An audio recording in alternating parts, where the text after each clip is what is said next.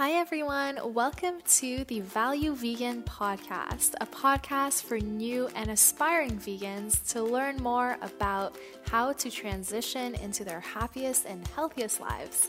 I'm your host, Nika. I'm a vegan blogger and educator, and I'm here to give you the top tips and advice on transitioning to a vegan lifestyle while featuring awesome vegan guests. So let's get right into it.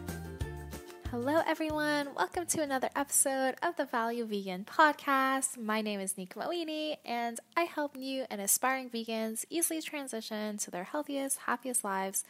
And today we're talking about a really common misconception, and that is that vegans do not get enough protein. Um, that being said, this podcast is sponsored by Shaklee Nutrition Supplements and Protein Supplements. They are an awesome source of vegan supplements and they can help you just supplement your life with all the right nutrients you need and even more protein if you would like. so, today, let's talk about some natural sources of vegan protein and how vegans can actually get the protein that they need. So, let's talk about a couple of the different sources of vegan protein. Now, a lot of people think that protein you know, only comes from meat. And well, the reason that is, is that the meats that you're eating actually ate um, a lot of fruits and vegetables as their own protein, and then it got turned into a more concentrated form of protein in their body, and now you're just eating the flesh of that animal. But what you can do is just eat the protein as it naturally occurs in the plants that that the meat was eating. And that's really what it what it all comes down to. So, what are some of those sources? So, one of those sources is tofu, right? And it's actually soy. So, um, there's a couple different forms of of things that can be made from soy, right? So there's tofu, tempeh, and edamame. So tofu, tempeh, and edamame all come from soybeans, and soybeans are considered a whole source of protein. So this means that they provide the body with all the essential amino acids that it needs. So edamame are actually immature soybeans with a sweet and grassy taste, and you can steam or boil them. And then tofu is made from bean curds pressed together in a process similar to cheese making. And tofu and tempeh um, are both used in a variety of different recipes, and they have that kind of nutty flavor. Now, all three of these actually contain iron, calcium, and 10 to 19 grams of protein per 3.5 ounces. So that's actually a, a significant amount. And edamame is also rich in folate, vitamin K, and fiber, while tempeh contains a good amount of probiotics, B vitamins, and minerals such as magnesium and phosphorus. So, as you can see, there's actually significant amounts of different kinds of nutrients in these very highly packed protein sources. Now, the next favorite form of protein that, that I have is lentils. Um, and lentils actually have 18 grams of protein per cooked cup. So they're a great source of protein and they can be used in everything from fresh salads to soups and spice infused dals, which is like this Indian dish. And lentils also contain a good amount of slowly digested carbs, uh, providing approximately 50% of your recommended daily fiber intake. And remember, fiber is really important for good digestion and good health. Now, the type of fiber found in lentils has been shown to feed the good bacteria in your colon, so it does actually promote a healthy gut. And in addition, lentils are also rich in folate, mag- mag- manganese, and iron, and they contain a good amount of antioxidants and other health promoting plant compounds. Now, what do you think is the next best source of protein? Chickpeas and most varieties of beans. So, all varieties of beans actually contain high amounts of protein per serving. Chickpeas are another legume with a high protein content, and both beans and chickpeas contain about 15 grams of protein per cup.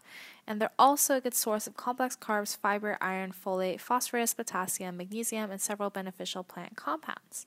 And a diet rich in beans and legumes can actually decrease cholesterol, help control blood sugar levels, and lower blood pressure, and even reduce belly fat. So you can, you know, enjoy them in homemade chili or just sprinkle um, a dash of spices on them and just eat them like that.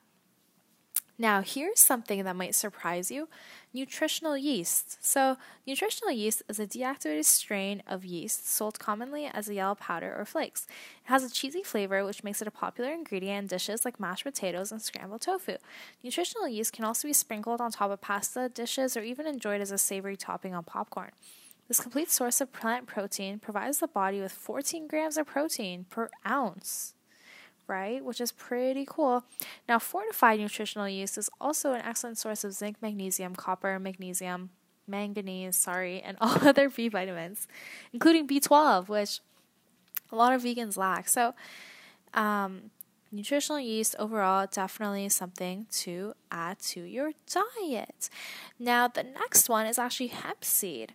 So it's belonging, it's notorious for belonging to the same family as the marijuana plant, but but hemp seed actually contains um, no like drug inducing effects, right? And it's not uh, as well known as other seeds, but it does contain 10 grams of complete, easily digestible protein per ounce. That's 50% more than chia seeds and flax seeds. So, hemp seed also contains a good amount of magnesium, iron, calcium, zinc, and selenium, and is actually a source of omega 3 and omega 6 fatty acids. So, Interestingly, some studies actually indicate that the type of fat found in hemp seed may also help reduce inflammation as well as diminish symptoms of PMS. Huh, I actually did not know that. So there you go. Now, something else that has a lot of protein, which you may have heard of because it's starting to come up in terms of like milks, is green peas. So, green peas actually contain 9 grams of protein per cooked cup, um, which is slightly more than a cup of milk. So, a serving of green peas covers more than 25% of your daily fiber, vitamin A, C, K, thiamine, folate, and manganese requirements. And green peas are also a good source of iron, magnesium, phosphorus, etc. So, you can make ravioli, you can make pea soup, um, you can make a lot of different stuff with that. Okay, now we're getting into the health foods. So, you know, we talked about things being a little expensive, and this is one of those little luxuries, but let's talk about it. Spirulina. This blue green algae is definitely a nutritional powerhouse. Two tablespoons provide you with 8 grams of complete protein, in addition to covering 22% of your daily requirements of iron and thiamine and 42% of your daily copper needs. Spirulina also contains decent amounts of other nutrients that your body needs, including essential fatty acids and studies link consuming spirulina to health benefits ranging from a stronger immune system and reduced blood pressure to improved blood sugar and cholesterol levels. Okay, finally, let's talk about quinoa. Often referred to as an ancient grain, quinoa doesn't grow from grasses like other cereals. Um, however, they are prepared or ground into flours or like similar grains. And they actually provide 8 to 9 grams of protein per cooked cup, which are a complete source of protein, which is rare among grains. So, overall, um, you definitely want to get that in. And finally, let's not forget soy milk. Soy milk and milk that's made from soybeans um, is a great alternative to cow's milk, and it contains 7 grams of protein per cup. So it is, you know, found in most supermarkets, and you can get it pretty quickly. And then, okay, we cannot miss this one oats. Oats are an easy and delicious way to add protein to your diet. Half a cup of oats provides you with 6 grams of protein. Okay, so get your oatmeal in. Um, it is not a complete protein, but it does include higher quality protein than commonly consumed grains like rice and wheat. Um, and oats, you know, oats are delicious in different recipes, so you definitely want to get that in. So, anyway, let me stop there. Maybe I'll do a part two because there's a lot of different things that have protein in them.